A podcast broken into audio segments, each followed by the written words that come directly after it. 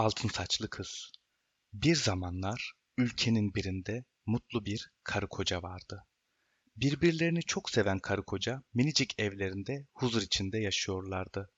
Genç kadın yakın zamanda doğum yapacaktı. Karı koca doğum yaklaştıkça daha çok heyecanlanıyorlardı.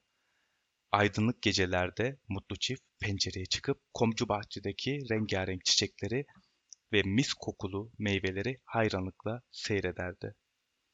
Genç kadın bir gün komşu bahçeye bakan pencereye yanaştı. Kocasına bahçedeki çilekleri işaret ederek "Bak kocacığım" dedi. "Komşumuzun bahçesinde mis gibi çilek kokusu geliyor. Canım da çilek çekti. Bana çilek alabilir misin?" Genç adam karısına gülümseyerek "Elbette karıcığım. Hemen pazara gidip alırım." dedi. Karısının yanaklarından öpen adam evden ayrıldı. Karısının istediği çilekleri almak için pazara gelen adam dolaşmaya başladı. Fakat hiçbir yerde çilek bulamadı. Üzüntü içinde eve dönen adam karısına olanları anlattı. Karısına çilek bulmanın tek yolu olduğunu söyledi. Komşunun bahçesinden çilek alacaktı. Genç kadın, sevgili kocacığım dedi. Bahçenin cadı bir sahibi var. Sana kızıp kötülük yapabilir. Genç adam, korkma karıcığım dedi. Bahçeye geceleyin gizlice geleceğim. Cadı kadın duymadan çilekleri alacağım. Karısını çok seven adam gece olduğunda pencereye yanaştı. Aşağıdaki ağacın dallarından sessizce bahçeye indi. İndiğini hiç kimse duymamıştı. Genç adam yavaşça eğilip çileklere uzandı. Tam çileklerden alacaktı ki cadıyı karşısında gördü. Cadı öfkeyle bağırdı. İzinsiz bahçeme girmenin suç olduğunu bilmiyor musun? Seni hırsız seni. Bu suçun cezasını çekeceksin. Neye uğradığını şaşıran genç adam cadıya dönerek özür dilerim dedi. İnanın kötü bir niyetim yoktu. Karım hamile. Çok yakında doğum yapacak. Canı biraz çilek istedi. Pazara gittim, çilek bulamadım. Ne olur bağışlayın. Cadı kadın bağırmasına devam etti. Seni bağışlamamı istiyorsun. Doğacak çocuğunu bana vermelisin. Yoksa hırsızlık yaptığını polise söylerim. Eğer çocuğu bana verirseniz ona çok güzel bakarım. Onu kendi çocuğum gibi büyütürüm, dedi. Genç karı koca çaresizce cadı kadının isteğine razı oldular. Birkaç ay sonra genç kadın buğday başağı gibi sapsarı saçlı bir kız çocuğu doğurdu. Doğumu haber alan cadı kadın eve geldi.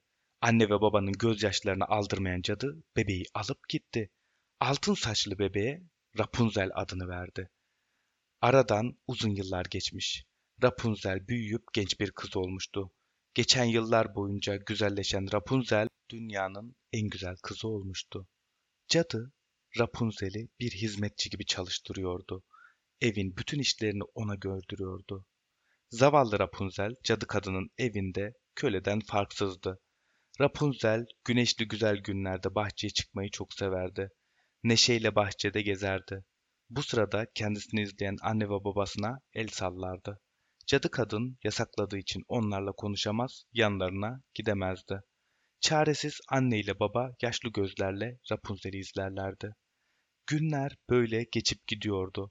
Bir gün bahçeye yakın yoldan geçen prens, sarı saçlı Rapunzel'i gördü. Görür görmez de güzel Rapunzel'e aşık olmuştu. Yakışıklı prens, Rapunzel'e adamlarıyla bir demet çiçek gönderdi. Adamlar geldiğinde cadı kadın evde yoktu. Kapıyı Rapunzel açtı. Rapunzel'e çiçekleri veren adamlar, güzel kız dediler. Prensimiz sizi görmüş, görür görmez de aşık olmuş. Sizinle tanışıp evlenmek istiyor. Rapunzel mutluluk ve şaşkınlıkla prensin adamlarını dinliyordu. Tam bu sırada eve gelen cadı kadın konuşulanları gizlice dinledi. Çok kızmıştı. Prensin adamları gidince Rapunzel'e bağırdı, çağırdı. Acımasızca dövdü. Sonra da zavallı kızı çok uzaktaki bir kuleye kapattı. Rapunzel'in bulunduğu yeri prense bildirmesi olanaksızdı. Çaresizlik içinde günlerce ağladı. Yakışıklı prens ise hiç durmadan Rapunzel'i aramaya devam ediyordu. Asla umudunu kaybetmiyordu. Aradan yıllar geçmişti. Prens yıllardır aradığı Rapunzel'in kapatıldığı kuleyi buldu. Sonra da kuledeki Rapunzel'e seslendi. Rapunzel, güzel aşkım, pencereye çık dedi. Prensin sesini duyan Rapunzel kulenin penceresine çıktı. Prense el sallayıp, uzayan saçlarımı aşağıya sarkıtıyorum. Onlara tutunup kuleye çıkabilirsin dedi. Prens Rapunzel'in sarkıttığı sapsarı saçlarına tutundu, kuleye tırmanmaya başladı. Cadı kadın yine olanları görmüştü. Hızla Rapunzel'in kaldığı odaya çıktı. Bir de makas almıştı. Böylece Rapunzel'in saçlarını kesecek, prensin aşağı düşmesini sağlayacaktı. Kötü kalpli kadın Rapunzel'in saçlarını kestiği sırada prens pencereye çıkmayı başarmıştı. Saçları kesilen zavallı Rapunzel hıçkıra hıçkıra ağlıyordu. Odaya giren prens cadı kadına "Cezanı çekeceksin cadı kadın. Artık kötülük yapamayacaksın." dedi. Şaşkınlık ve kızgınlık içindeki cadı kadın prense saldırdı. Fakat dengesini kaybetti. Kulenin penceresinden aşağıya düştü. İyi kalpli Rapunzel kendine kötülük yapan cadının ölümüne üzülmüştü. Yakışıklı prens, lütfen üzülme sevgili Rapunzel dedi. Çünkü onun kalbi kötülüklerle doluydu. Prens ile Rapunzel büyük bir törenle evlendiler.